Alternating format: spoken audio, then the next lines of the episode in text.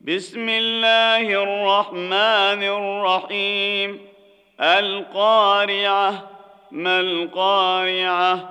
وما أدراك ما القارعة؟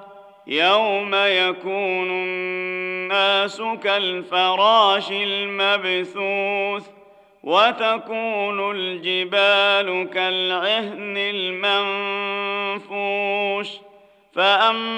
فاما من ثقلت موازينه فهو في عيشة راضية.